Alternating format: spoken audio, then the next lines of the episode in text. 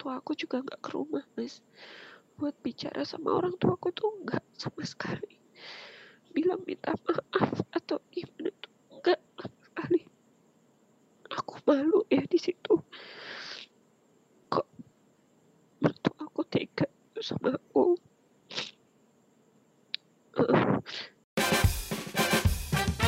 Disiarkan langsung dari Objek Rindumu bersama Mira Sakti Setiawan sampai beberapa menit ke depan dan inilah Terjebak Podcast. datang sama mama aku ya mas ya. Aku bilang ini gimana statusnya? Eh, karena posisi mobilnya udah mau dilelang. Kan itu uang banyak ya mas ya. Beli kan juga nggak uang yang sedikit. 250 juta itu kan nggak sedikit ya. Kita Iya. harus kerja. Waktu itu yang terjadi sama saya bapak mertua saya malah marah sama saya. Aku masih ingat dia pukul kursi sampai bilang mau dicari sampai kapan pun. Kalau nggak punya uang ya nggak bisa bayar. Aku minjem eh, bapak aja minjemnya nggak tahu kok disuruh bayar. Itu yang marah ya itu. suamimu berarti ya? eh, bukan mertua saya bapak mertua saya mas. Mertuanya marah ke anaknya atau ke kamu? ke aku mas ke aku. Karena aku nagih uang yang dipinjem suami saya ke bapak mertua kan. Oh. bapak mertua bapak mertua saya marah waktu itu sama saya. Mm, padahal ada ibu ada mama di situ waktu itu. Iya, aku iya. kan malu ya mas ya. aku malu waktu itu. Terus aku bilang ke mama ayo mah kita pulang aja. Waktu itu saya ngerasa aku gak punya harga diri di situ mas. Mertua aku aja waktu itu aku pulang aku mau salaman itu. Dia nggak mau nggak mau salaman sama saya. Itu padahal mertua aku loh mas. Ya udah aku pulang. Sama mama. Eh terus aku bilang ke suami aku ini kok bapak malah marah sama aku? Gimana? Waktu itu suami aku bilang ya kamu salah kok. Kenapa kamu datang ke rumah eh, sama mama sama temen aku satu? Karena tujuan aku buat jadi saksi ya. Kalau Iya. ada apa-apa temen aku tahu. Kenapa kamu bawa orang lain ke rumah? Jadi yo bapak marah. Lah kok malah bapak marah? Wah, aku juga bilang baik-baik. Aku nggak marah. Aku bilang masih baik-baik. Aku jaga omongan aku karena sama orang tua ya baik-baik. Ya bapak marah lah kamu bawa orang lain. Padahal posisinya harusnya saya kan bos yang marah karena Iya. aku udah dibohongin segitu banyaknya. Ya sudah waktu itu aku masih aku masih menunggu itikat baik dari mertua aku. Terus aku bilang udah berapa bulan berlalu tuh gak ada kejelasan sama sekali. Mobil ini udah mau disita loh mas. Terus aku bilang ini gimana? Bapak ibu kok diem aja? Nggak ke sini nggak Mm-mm. bilang ke papa mama minta maaf gitu. Mm-mm. sampai aku kejar itu akhirnya ibu ke sini ibu mertua saya ke sini. Iya. Dan ibu mertua saya juga menjanjikan hal yang sama bahwa bulan depan akan selesai. Pada akhirnya ya sama bulan depan nggak selesai lagi mas. Ya papa saya masih nungguin lah baik-baik.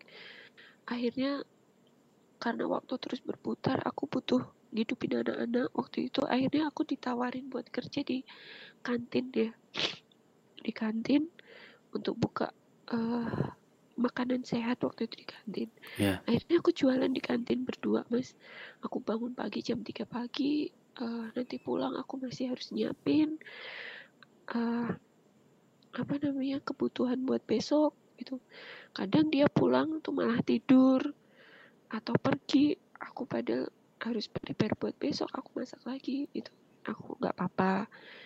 Terus akhirnya karena aku mikir rumah tangga itu kalau kita harus saling support ya. Kalau suami nggak kerja ya kita bisa cari pekerjaan yang lain yang nggak apa-apa. Saya masih mikir gitu mas. Akhirnya waktu itu ketika waktu itu ah dia bantuin aku kalau pagi di kantin. Tapi kalau pulang kadang dia tidur kadang dia pergi sampai malam. Alasannya cari uang. Ya padahal kalau pulang ya nggak ada uang. Saya gitu. Ya udah nggak apa-apa. Saya yang penting anak-anak kebutuhan tercukupi. Udah itu aja. Akhirnya uh, waktu itu dengan masih banyak pinjaman hutang di mana-mana dan masih banyak konflik saya cuma mikir gini uh, saya kan jadi masih jadi satu sama mama ya waktu itu tinggal jadi satu. Itu saya mikir gimana ya kalau aku ngontrak aja. Karena kalau ngontrak mungkin suami aku tahu kebutuhan anak-anak mungkin dia dia jadi lebih tergerak. Iya. akhirnya saya ngontrak mas. Mm-mm. saya pisah dari orang tua. Itu pertama kalinya saya keluar rumah Hmm. setelah berpuluh-puluh tahun. Dan ibu saya nangis. Ibu saya juga sakit. Aku tinggal itu berhari-hari nggak bisa tidur. Kangen kangen cucunya. Mikirin aku gimana karena ngerti suami aku orangnya temperamental gitu. Mm-mm, mm-mm, mm-mm. ya akhirnya aku kontrak ini tiga bulan lah kurang lebih tiga bulan. Ya selama tiga bulan itu sifatnya tambah memburuk. Dalam arti tambah kasar mas. Sama aku sering mukul. Kadang kalau marah itu eh, marah itu aku nggak boleh tidur mas. Kalau malam kalau aku mau tidur gitu. Dia bilang kamu mau tidur? Dia bilang gitu. Nggak boleh kamu tidur kamu nggak boleh tidur. Saya waktu itu aku cuma pikir aku takut. Anak-anak diapain? Ya udah aku berusaha melek aja. Walaupun aku ngantuk sambil dia marah gitu. Ya aku dengerin. Ah kadang dia marah juga. Mukul gitu.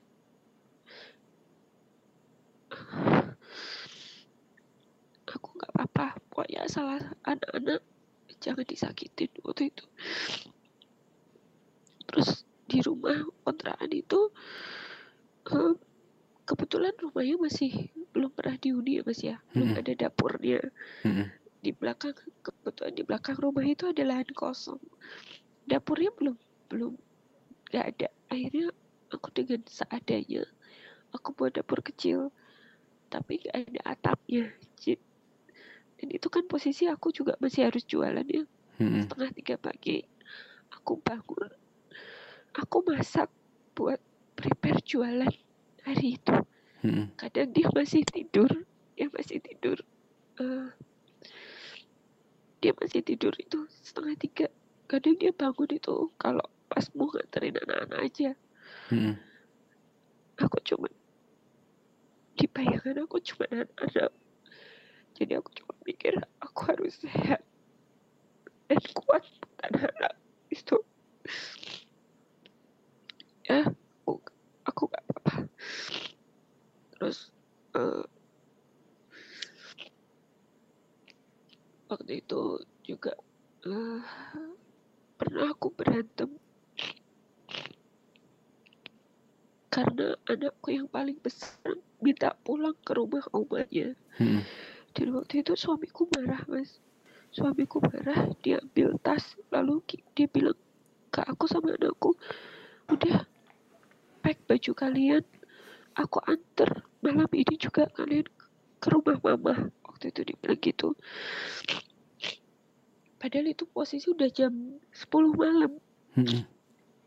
Aku bilang mas nggak seperti ini ini udah malam Eh, mama sama papa juga udah tidur kasihan. Nanti kalau aku pulang tiba-tiba posisi seperti ini mereka udah sepuh udah tua mas kasihan.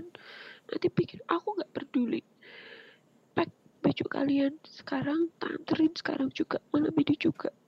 Waktu itu dia marah teriak-teriak mas. Terus eh, dia eh, waktu itu udah aku mandi baju kalian di pack waktu itu. Terus di pack sama anak cowok aku. Terus dia bilang oh le kamu tetap mau pulang ke rumah oma ya? Ya udah nggak apa-apa. Tak anterin sekarang juga. Terus kita udah siap-siap kita prepare aku juga mau pulang. Terus dia bilang gini tunggu dulu aku mau keluar dulu. Kalian tunggu di rumah. Dan tahu nggak apa yang terjadi? Aku tuh mau dikunciin sama anak-anak di rumah mas. Waktu itu waktu dia mau pergi ambil kunci aku mau dikunci aku bilang jangan kunciin aku di rumah. Aku bilang gitu. Sampai aku tuh di depan rumah itu berantem uh, ambil kunci ya. Aku rebut kuncinya. Terus anak aku yang kecil tuh sampai teriak-teriak nangis mama gitu. Mama gitu. Terus dia pergi akhirnya aku ambil kunci aku kunci pintu rumah.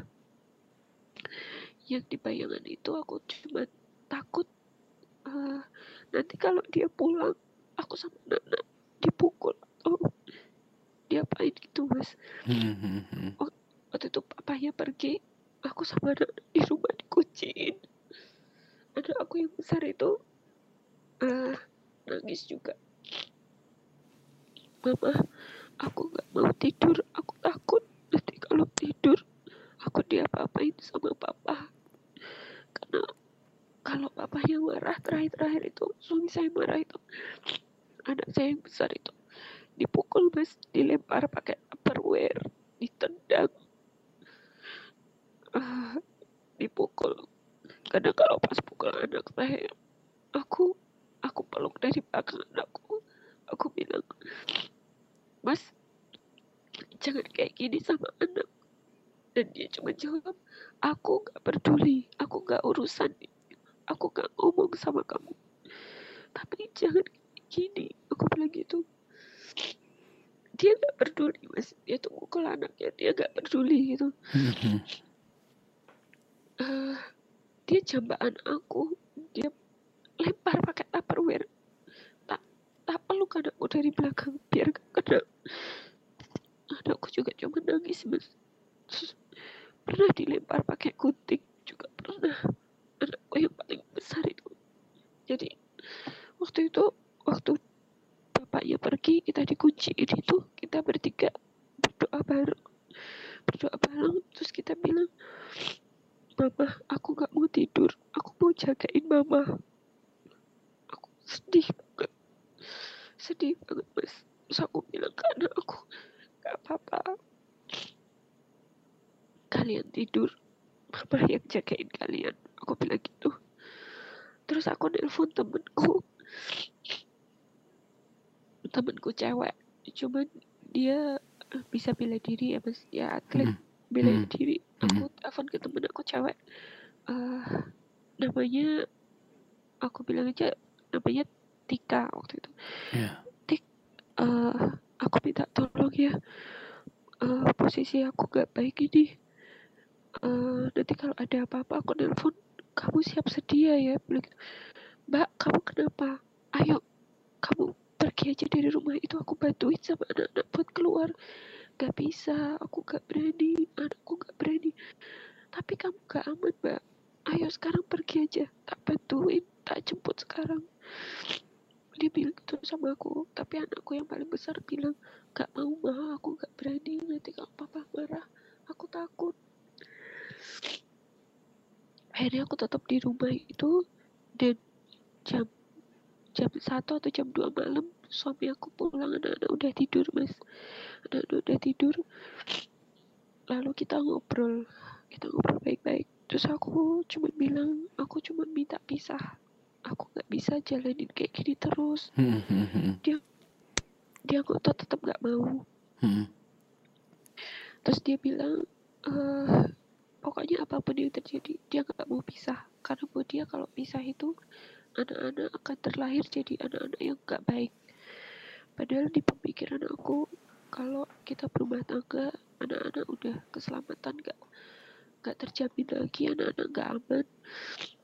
Aku ketika aku pisah tapi aku ketemu sama suami aku dengan gak marah-marah itu kan anak-anak jadi kondisi em emosinya lebih baik gitu loh.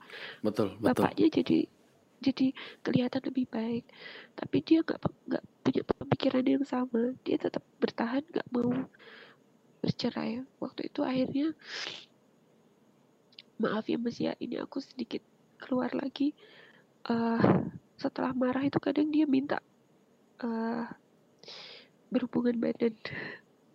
Aku kan takut ya mas ya. Kalau boleh jujur perempuan yang udah disakitin berkali-kali seperti ini waktu itu yang aku rasain aku cuma hampa. Nggak ada nggak ada rasa cinta? Aku iya nggak ada. Aku di pikiran aku cuman aku harus bersandiwara. Supaya aku sama anak-anak aman. Jadi sebisa mungkin di situ aku cuman melakukan apa yang dia mau? Supaya aku sama anak-anak aman. Tapi untuk rasa cinta lagi udah gak ada mas. Aku hanya melakukan itu karena sayang itu sama anak-anak. ya itu tugasku sebagai istri dan aku harus selamatin nyawa aku sama anak-anak. Karena kalau aku bilang aku menolak aku tahu dia akan marah sekali mas. Iya. dia akan marah. Dia akan marah sampai aku pun gak boleh tidur mau sampai pagi pun aku gak boleh tidur mas. Aku tidur pun aku akan dibangunin sama dia gitu. Ya. Akhirnya dibangunin karena apa tapi mbak ya karena dia gak gak gak mau lihat aku tidur. Gak ikhlas lihat aku tidur gitu. Waduh.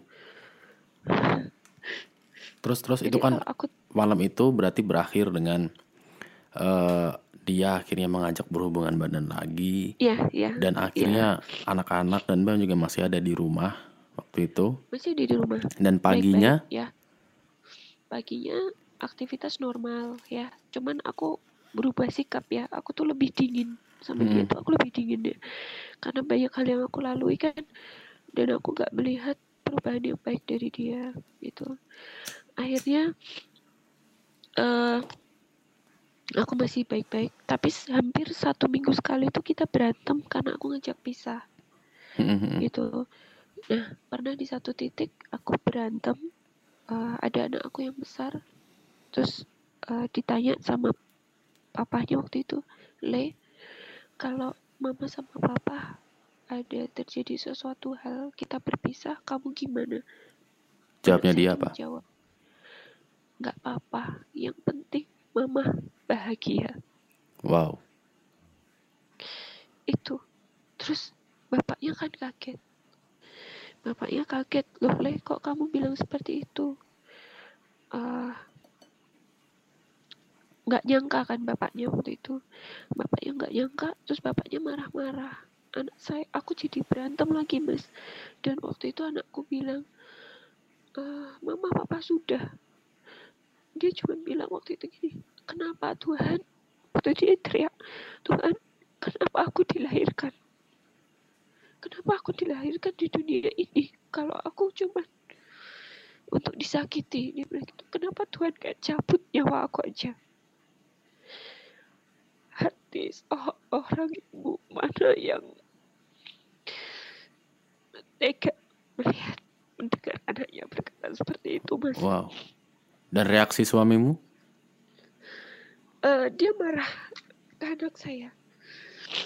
Dia marah. Dia bilang, loh leh, kamu kok bilang seperti itu? Kamu bisa-bisanya bilang seperti itu. Dia marah ke anak saya. Saya bilang, mas, ini bukan salah dia. Ini salah kita. Ini salah kita, bukan salah dia. Dia hanya mengutarakan isi hatinya. Gak boleh kita marah. Aku bilang gitu, mas. Dan malam itu, aku jadi punya keinginan besar untuk memberanikan diri untuk lebih pengen pisah. Karena itu udah teguran buat aku bahwa anak-anak gak aman, iya gak aman waktu itu. Jadi hampir seminggu sekali tuh aku minta pisah sama dia dengan harapan aku bicara baik-baik dia mau menerima. Tapi dia tetap gak mau mas. Dia tetap ngotot ingin jalan tetap gitu. Nah, terus itu di satu titik pernah eh habis apa ya habis 17 Agustusan di rumah ada perayaan waktu itu di komplek anak saya marah karena disuruh berangkat. Terus aku bilang le ada perayaan berangkat dulu nggak apa-apa ya. Nanti mama susul kamu berangkat dulu. Tapi aku nggak mau mah nggak apa-apa. Nanti mama susul. Akhirnya anakku mau berangkat tapi posisinya marah. Terus balik dia masih marah kan anak saya. Terus papanya itu marah-marah lagi. Kamu kenapa toleh kok di sana? Marah-marah bikin gak enak ya aku sebenarnya nggak mau ikut tapi kan papa paksa kayak gitu. Terus aku redam emosinya dia diem. Ya nggak apa-apa waktu itu kita ngobrol lagi dan aku bilang baik-baik mas aku mau pisah itu terus dia bilang kenapa kamu selalu minta pisah? Ya kan kamu tahu kalau kamu sayang sama aku. Kamu pasti tahu bahwa aku gak aman sama kamu. Aku mau minta pisah. Kalau kamu sayang sama aku kamu akan melepaskan aku buat kebahagiaanku. Waktu itu aku bilang gitu mas. Tapi dia tetap dia bilang enggak apa pun yang terjadi siapa pun yang pisahin aku sama keluargaku akan aku habisi dia bilang gitu. Termasuk aku. Ya termasuk kamu dia bilang gitu. Wow. Dan waktu itu anakku ada di situ. Dia juga denger. Dan dia ditanya Le nggak apa-apa. Kalau mama sama papa pisah untuk kesekian kalinya dia ditanya dia jawab dia jawab. Nggak apa-apa. Yang penting mama bahagia. Yang penting mama seneng. Bilang gitu bos akhirnya uh, setelah ngobrol panjang uh, waktu itu kita masih ngobrol walaupun walaupun keras tapi eh, nggak uh, ada kekerasan ya. gitu kita masih ngobrol baik-baik waktu itu. Nah uh, keesokan paginya itu aku berangkat berangkat buat jualan. Halo? Iya yeah, iya. Yeah. uh, berangkat buat jualan berangkat buat jualan. Ya waktu itu aku jualan masih baik-baik nih mas. Aku beres-beres. Terus dia mau deketin saya waktu duduk uh, di kursi. Aku nggak mau aku menghindar. Terus dia bilang kamu kenapa? Gak apa-apa bilang gitu. Terus dia tanya uh, kamu maunya apa? Aku oh dibilang aku minta maaf ya. Terus aku bilang kadang maaf itu penyesalan itu datangnya terlambat. Aku bilang gitu. Terus dia bilang maksud kamu apa? Aku nggak mau apa-apa. Aku cuma masih sama seperti kemarin. Aku mau kita pisah ya. Bilang gitu. Oh mau kamu masih sama ya? Waktu itu ada pisau di kayak uh, di tempat kecil dia ambil. Hmm kalau kamu maunya seperti itu gak apa-apa. Aku buktikan siapa pun yang ada ngadangin yang menghalang-halangi aku tak habisin. Termasuk keluargamu. Walaupun itu juga aku iya dia bilang gitu. Dia ambil pisau lalu dia pergi keluar. Jarak antara saya jualan sama rumah itu deket mas. Deket. Aku di situ cuma mikir di rumah itu ada anak aku yang paling kecil. Aku titipin ke mama di rumah itu cuma ada anakku yang paling kecil papa mama sama mbak. Pikiranku udah ngeblank gimana kalau ada papa sama mama sama papa? Aku nggak bisa pikir lagi. Iya yeah, iya. Yeah. aku nelfon aku nelfon mama dulu. Mama kunci ya pintunya dikebok waktu itu mama udah tahu. Begitu aku bilang gitu mama kunci kunci pintu semuanya ditutup semua rumah. Terus aku telepon lagi balik. Mama udah ditutup sudah waktu itu gitu. Terus aku telepon lagi temen temenku yang namanya Tika tadi. Aku bilang iya yeah, iya. Yeah. Tik Tik ini suamiku bawa pisau mau ke rumah. Aku minta tolong ya diliatin di rumah. Iya mbak. Dia jalan ke rumah waktu itu. Ternyata di rumah udah ditutup semua. Dia bilang mbak di rumah udah aman. Uh, udah dikunci. Sekarang mbak Nanda di mana mbak mbak di mana? Di mana mbak di mana? Mm-hmm. aku masih jualan. Waktu itu aku bilang gitu. Aku Mm-hmm. ke situ ya. Jangan tunggu dulu. Aku waktu itu gitu. Waktu itu aku masih jualan mas. Aku ambil tas. Aku mau pergi. Mhm. Eh, barang jualan aku mau aku tinggal. Karena aku tahu posisi aku udah nggak aman. Iya betul. Sewaktu aku mau keluar sewaktu aku mau keluar suami aku datang mas. Mukanya itu udah marah gitu. Masih Mhm. bawa pisau kan. Di saku kanan dia. Terus eh, dia kembali masuk terus sambil duduk. Eh, dia duduk terus aku bilang aku mau keluar. Nggak nggak boleh waktu itu. Nggak gitu mas. Aku mau keluar. Aku mau bayar uang. Aku bilang gitu. Nggak nggak boleh keluar. Kalau kamu keluar dia sambil ngacungin pisau ke eh, ke badan aku dia bilang ini udah nancep. Sebelum kamu teriak ini udah nancep aku tuh bayang- bayanganku udah ngeblank kalau aku nggak ada anak-anak aku tuh mau sama siapa? Iya. Aku gak jelas kalau anak-anak sama bapaknya seperti itu aku nggak ikhlas mas. Iya. ya waktu itu aku cuman mundur aku cuman nangis. Tapi karena itu aku jualan di sekolah kan aku harus bisa meredam emosiku karena aku nggak mau anak kecil-kecil di situ tahu dan berbahaya buat mereka. Jadi aku ngempet nangis ya. Waktu itu aku berusaha tetap tenang gitu. Iya, iya. cuman aku waktu itu cuman eh, mikir aku harus berusaha tenang biar anak-anak nggak tahu. Jadi satu orang pun di situ walaupun itu rame nggak ada yang tahu aku diancam pakai pisau tuh gak ada mas. Karena aku berusaha tenang waktu itu. Waktu itu terus aku sempat ngubungin kakakku waktu itu. Aku bilang mbak aku ini diancam pakai pisau terus langsung kakakku yaudah kamu tunggu di situ. Kamu tunggu tunggu ada yang akan datang nyelamatin kamu. Pokoknya kamu jangan ke mana-mana. Ya udah aku diem di situ. Mm-mm. tapi aku cuma mikir mas gimana caranya aku keluar? Karena aku takut aku takut kalau aku nggak bisa keluar besok nanti atau aku nggak bisa ketemu anak-anak tuh aku gimana? Aku cuma mikir gitu mas. Mm-mm. akhirnya aku aku melipir mau keluar nggak bisa. Dia udah tutupin jalanku aku dipepet ke tembok. Waktu itu dada aku itu disodok pakai pakai sikunya dia. Terus aku aku takut ya. Aku balik lagi aku sambil nangis. Kok dia tega gituin gini ke aku? Nggak bisa. Dia cuma bilang nggak bisa kamu keluar. Ya udah waktu itu pisau sempat diletakin sama dia. Aku ambil aku simpen di bawah tisu. Mm-mm. Eh, karena itu yang mengancam buat aku ya. Itu udah aman aku simpen di bawah tisu. Nggak berapa lama itu ada polisi datang buat ngamanin dia mas. Itu karena pak eh, mas-mas gitu dia bilang mas saya mau ngomong nih sama kamu. Terus suami saya bertanya ke saya ini ada apa? Terus aku bilang aku nggak tahu. Waktu itu aku cuma gitu.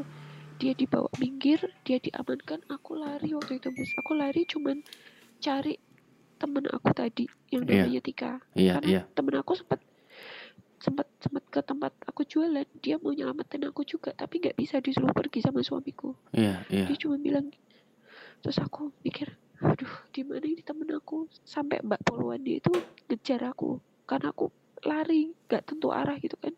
Aku takut. Terus akhirnya semenjak hari itu aku nggak pernah ketemu dia lagi aku nggak tahu dia ke mana. Dia gimana kabarnya aku nggak pernah tahu guys aku langsung ngurus proses cerai aku sidang cerai aku. Dan aku ketemu waktu proses mediasi sekali. Mm-mm. dan dia bilang ke aku dia nggak mau berpisah. Mm-mm. eh, karena untuk anak-anak. Terus aku cuma bilang eh, aku nggak mau. Aku tetap mau pisah. Aku cuma bilang gitu mas. Iya. ya itu aku ketemu terakhir kalinya eh sama dia udah aku nggak pernah ngobrol lagi. Aku sampai sekarang nggak tahu dia di mana. Sampai kemarin itu tanggal eh tanggal 15 Februari kemarin itu waktu Valentine dia nemuin anak aku di sekolah. Aku waktu itu pesan ke sekolah. Aku bilang "Eh, bu kalau bapaknya mau menemui nggak apa-apa. Karena kan dia udah keluar dari penjara itu mas. Mm-mm. kalau bapaknya mau menemui nggak apa karena aku sadar sadar betul aku nggak boleh memisahkan hubungan eh, bapak dan anak. Nggak ada yang namanya bekas anak itu nggak ada tapi bekas istri ada. Iya. waktu itu aku cuma aku cuma masih menjalin eh, hubungan nggak bisa memisahkan bapak dan anak. Aku cuma pesan ke gurunya kalau bapaknya datang boleh silahkan. Tapi eh, saya tidak mengizinkan kalau untuk dibawa pergi. Waktu itu bapaknya dat eh, nemuin dia di depan sekolah mm-mm. tapi belum sempat ngobrol anakku udah lari mas lari ketakutan terus dia pulang sambil eh, ngos-ngosan dia bilang mama iya ada papa di depan sekolahku aku takut lah mau ngapain gak tahu aku belum ngobrol aku udah pergi mah dia bilang gitu mas Itu udah cerai berarti kan? udah udah cerai Udah, ah, terus Udah terus. cerai. terus habis itu eh ya udah le gak apa-apa apa pun itu dia kan papa kamu.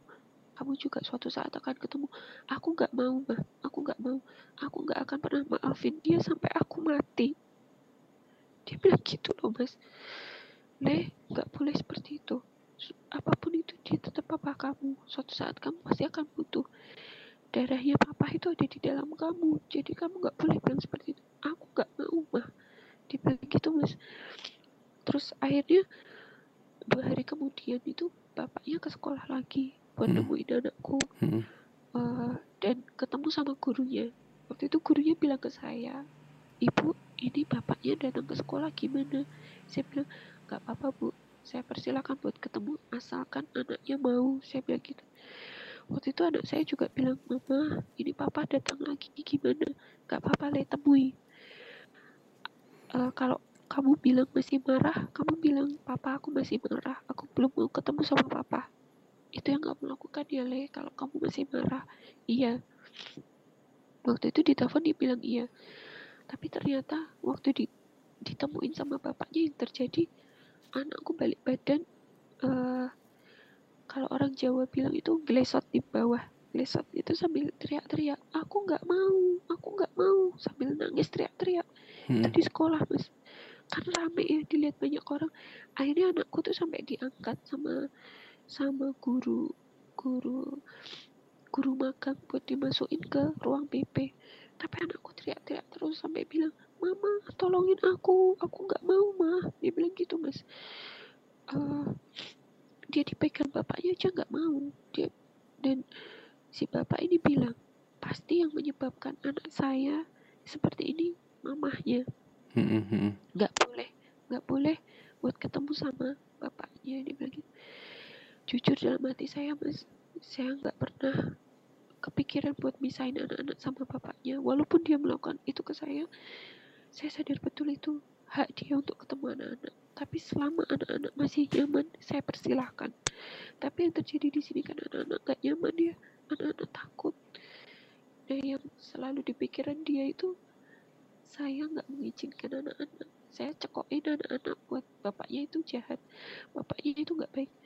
Tanpa saya cekokin pun anak-anak udah lihat dan ngerasain kayak gimana bapaknya. Hmm. Tanpa saya harus jelaskan gitu loh mas. Dia, Hmm.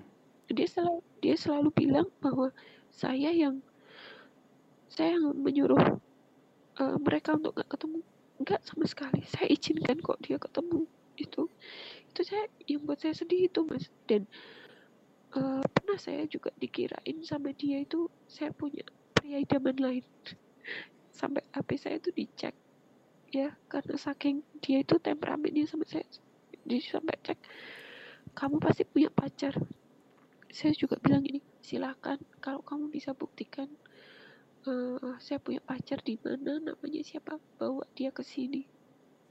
Tunjukkan saya. Saya cuma bilang gitu. Saya saking dia itu eh parnonya sama saya gitu dipikirnya saya tuh punya pacar lah atau gimana gitu Hmm. Hmm. saya cuma bilang gitu ke dia dan mertua saya itu juga pernah mikir saya punya pacar saya nggak mau mas saya nggak mau eh, mengorbankan harga diri saya hanya untuk kesenangan sesaat dan membuat eh, anak saya penilaian anak saya ke saya itu jadi nggak baik saya nggak mau. Iya. Iya. cuman karena kesenangan sesaat aku jadi merusak sekali aku nggak mau. Ya itu yang terjadi ke anak-anak saya sampai sampai anak saya yang paling kecil itu sampai detik ini ingat betul. Dia masih bisa itu kejadian satu tahun yang lalu ya. Dia masih bisa bilang mama kita pernah dikunciin ya sama papa. Papa itu jahat ya kok sukanya pukul mama marah-marah sama mama bentak-bentak mama kayak gitu. Hmm. saya cuma bilang adik nggak boleh ya bilang seperti itu. Itu papa. Aku nggak mau. Aku nggak mau ketemu papa. Ya sampai detik ini pun saya masih sedih mas. Anak-anak nggak mau ketemu sama papa itu. Aku juga sedih. Eh, kenapa mereka bisa sampai seperti ini? Kenapa aku nggak ambil keputusan untuk pisah itu dari dulu. Kenapa nggak nggak dari dulu? Kenapa aku harus menunggu sampai mereka jadi terluka gitu loh itu yang buat aku sedih kan? Jadi ya sama aku menikah itu kalau karena aku pendiam ya. Jadi banyak orang yang melihat aku cuma baik-baik aja gitu. Iya. yang aku eh, jadi selama aku menikah itu masalah yang aku alami itu banyak banget. Gak cuma wanita tapi juga uang tapi juga rasa menghargai ya. Eh, dia nggak menghormati orang tua saya. Ya sampai akhirnya saya memutuskan untuk memberanikan diri untuk minta bercerai dan melaporkan dia ke polisi. Itu puncak yang dalam hidup saya yang ya sampai sekarang saya nggak bisa lupa itu mas. Dan gak akan pernah lupa. gak akan lupa. Tapi saya maafkan. Dari lubuk hati paling kecil saya saya Memaafkan. bilang saya maafkan. Saya nggak ada dendam sama sekali. Sama, sekali nggak ada dendam. Saya Oh. selalu doain. Saya doain buat dia setiap hari. Eh, saya cuma berharap dia bisa jadi laki-laki yang baik. Dan suatu saat saya berharap dia menemukan pasangan hidup buat dia saya cuma berdoa itu karena masih banyak masalah yang harus dia selesaikan ya aku berharap dia akan jadi laki-laki yang lebih baik aja itu Amin. aja sih aku itu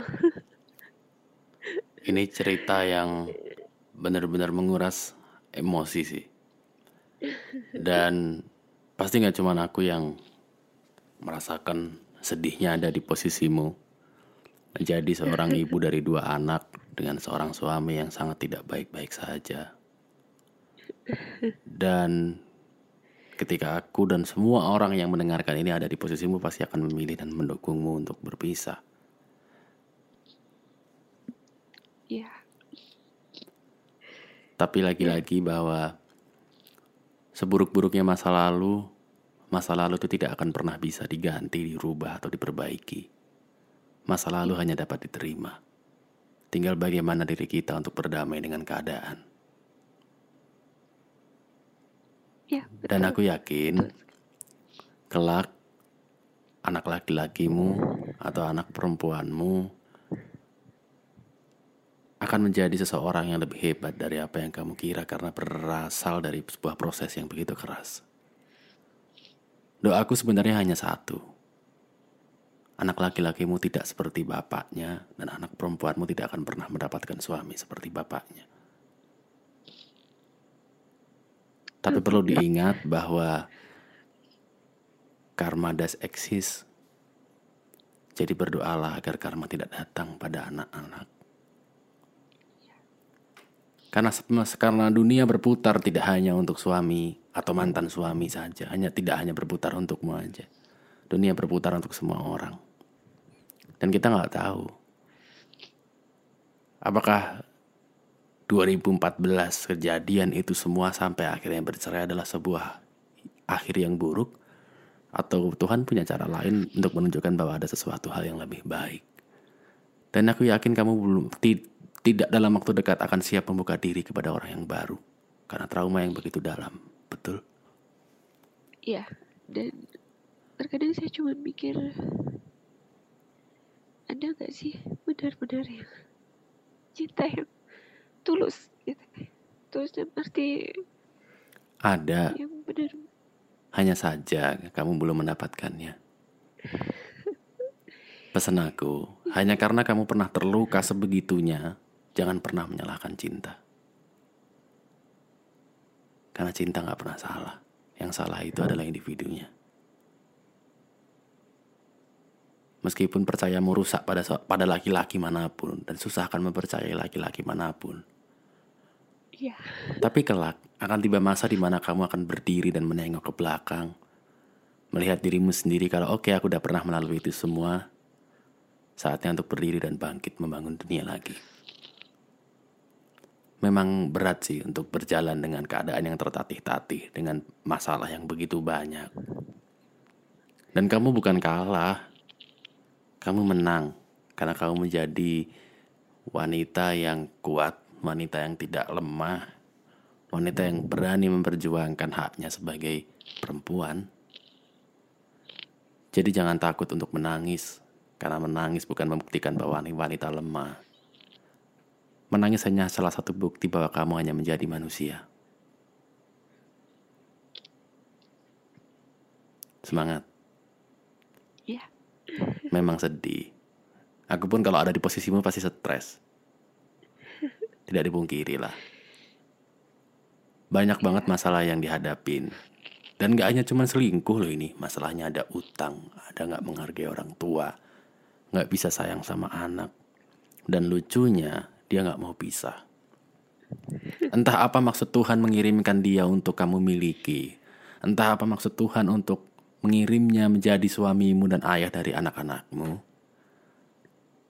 Dan itu akan menjadi pertanyaan besar yang mungkin nggak akan pernah ketemu jawabannya. Iya. Dan yang aku tahu sih cuma satu ya mas ya. A- Aku cuma tahu Tuhan itu cuma mau aku belajar, iya belajar lebih ya, betul dan berproses. belajar untuk, iya belajar untuk bersabar, memaafkan dan menerima itu yang aku. Dan aku rasa proses belajarmu sudah cukup. Maka sebentar lagi kamu akan menjadi manusia yang sebenar sebagaimana manusia yang diinginkan oleh Tuhan. amin. Amin. Tetap jadi wanita yang kuat. Untuk anak-anak. Karena masa depan mereka, mental mereka, keberhasilan mereka, kesuksesan mereka ada di kamu. Entah dia akan besar menjadi seseorang yang temperamen, atau seseorang yang lemah, seseorang yang introvert, orang yang gak mau berkembang, atau bukan introvert sih, orang yang lebih mengurung diri, tidak mau mengembangkan diri karena trauma, karena beban psikis yang mereka terima. Balik lagi itu adalah lagi-lagi tanggung jawab. Tanggung jawabmu besar banget.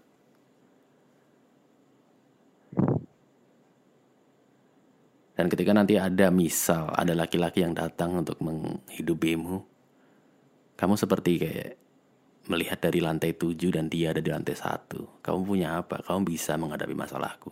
Aku lebih punya masalah lebih banyak daripada yang kamu punya. Mungkin kamu bakal mikir kayak gitu sih. Iya. Iya sih mas. Setidaknya kamu merasakan luka. Yang penting orang-orang yang mendengar ini atau semesta akan mengingatmu sebagai wanita kuat yang tidak lemah. Perjuanganmu begitu banyak. Perjuangan ini itu demi anak. Jualan di kantin demi anak. BPKB digadein demi suami. Udah tahu diselingkuhin dua kali masih mau ngasih BPKB. Memang pada taraf cinta yang lebih gila, luka adalah alasan untuk terus bersama. Aku pernah buat tulisan itu di buku ketiga. Iya. Dan itu tiga episode berjalan berturut-turut sama. Karena batas antara cinta dan kebodohan tipis. Iya. Iya betul banget. Sebesar-besarnya apa masalahmu, ada Tuhan yang jauh lebih besar.